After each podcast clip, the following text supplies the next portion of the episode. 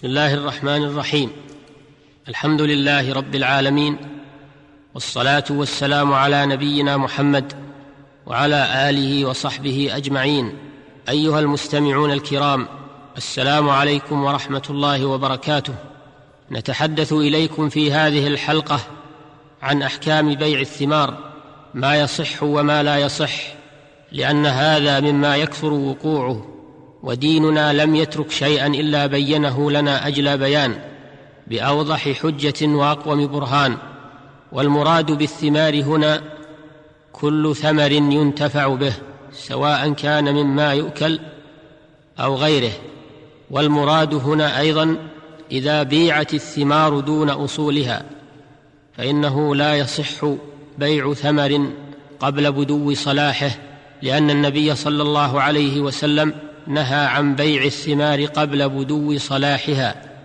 نهى البائع والمبتاع متفق عليه.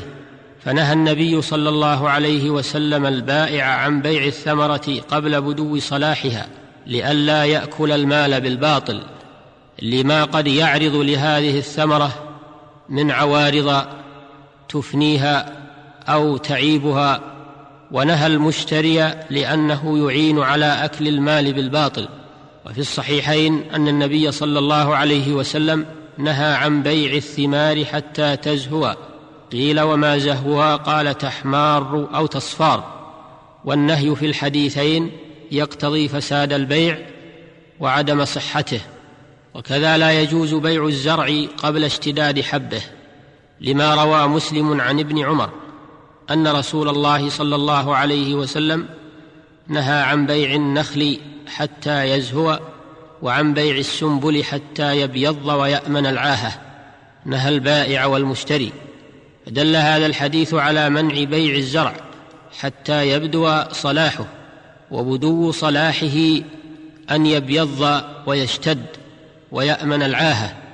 والحكمة والحكمة في منع بيع الثمر قبل بدو صلاحه وعن بيع الزرع قبل اشتداد حبه لأنه في تلك الفترة معرض للآفات غالبا ومعرض للتلف كما بين ذلك النبي صلى الله عليه وسلم بقوله ويأمن العاهة وبقوله صلى الله عليه وسلم أرأيت إن منع الله الثمرة بما يأخذ بما يأخذ أحدكم مال أخيه؟ وقال في السنبل حتى يبيض ويأمن العاهة والعاهة هي الآفة التي تصيبه فيفسد وفي ذلك رحمة بالناس وحفظ لأموالهم وقطع للنزاع بينهم فإن النزاع قد يفضي إلى العداوة والبغضاء ومن هنا ندرك حرمة مال المسلم والمحافظة عليه. فقد قال صلى الله عليه وسلم أرأيت إن منع الله الثمرة بما يستحل أحدكم مال أخيه؟ ففي هذا تنبيه وزجر للذين يحتالون على الناس لاقتناص أموالهم بشتى الحيل كما أن في الحديث كما أن في الحديث حثا للمسلم على حفظ ماله وعدم إضاعته والمخاطرة فيه من غير مصلحة حيث نهى النبي صلى الله عليه وسلم المشتري أن يشتري الثمرة قبل بدو صلاحها. وغلبه السلامة عليها لأنها لو تلفت وقد بذل فيها ماله لضاع عليه وصعب استرجاعه من البائع أو تعذر. كما نفهم من الحديث الشريف تعليق الحكم بالغالب لأن الغالب على الثمرة قبل بدو صلاحها التلف فلا يجوز بيعها والغالب عليها بعد بدو صلاحها السلامة. فيجوز بيعها. وفقد وقد علق النبي صلى الله عليه وسلم الحكم بالغالب في الحالتين.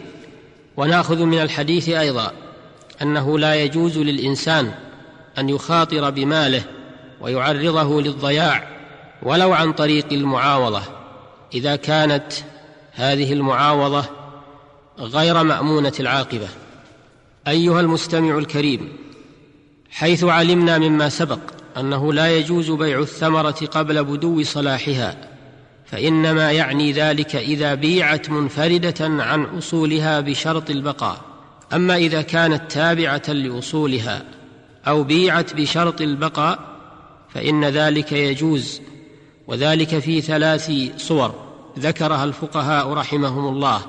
الصورة الأولى إذا بيع الثمر قبل بدو صلاحه بأصوله بأن بيع بأن بيع الثمر مع الشجر فيصح ذلك ويدخل الثمر الذي لم يبدو صلاحه تبعا لأصله وكذلك إذا باع الزرع الأخضر الذي لم يشتد مع أرضه التي نبت عليها جاز ذلك ودخل الزرع الأخضر تبعا للأرض حيث يجوز تبعا ما لا يجوز استقلالا.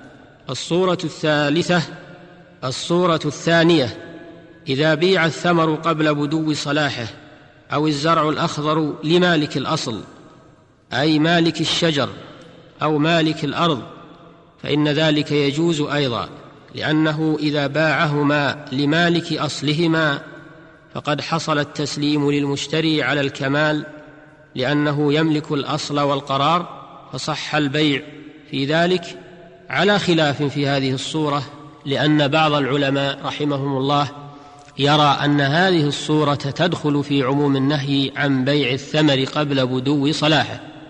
الصورة الثالثة إذا بيع الثمر قبل بدو صلاحه والزرع قبل اشتداد حبه بشرط القطع في الحال وكان يمكن الانتفاع بهما إذا قطعا لأن المنع من البيع لخوف التلف وحدوث العاهة وهذا مأمون فيما يقطع في الحال.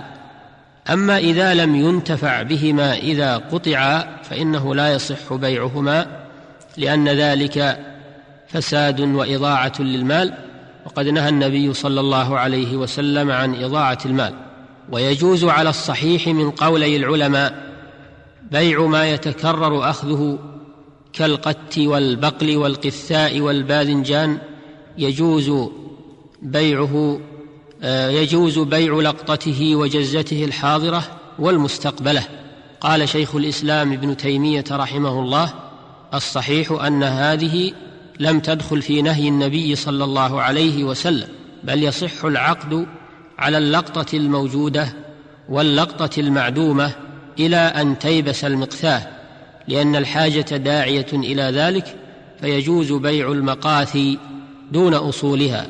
وقال العلامة ابن القيم رحمه الله وإنما نهى عن بيع الثمار التي يمكن تأخير بيعها حتى يبدو صلاحها فلم تدخل المقاثي في نهيه صلى الله عليه وسلم.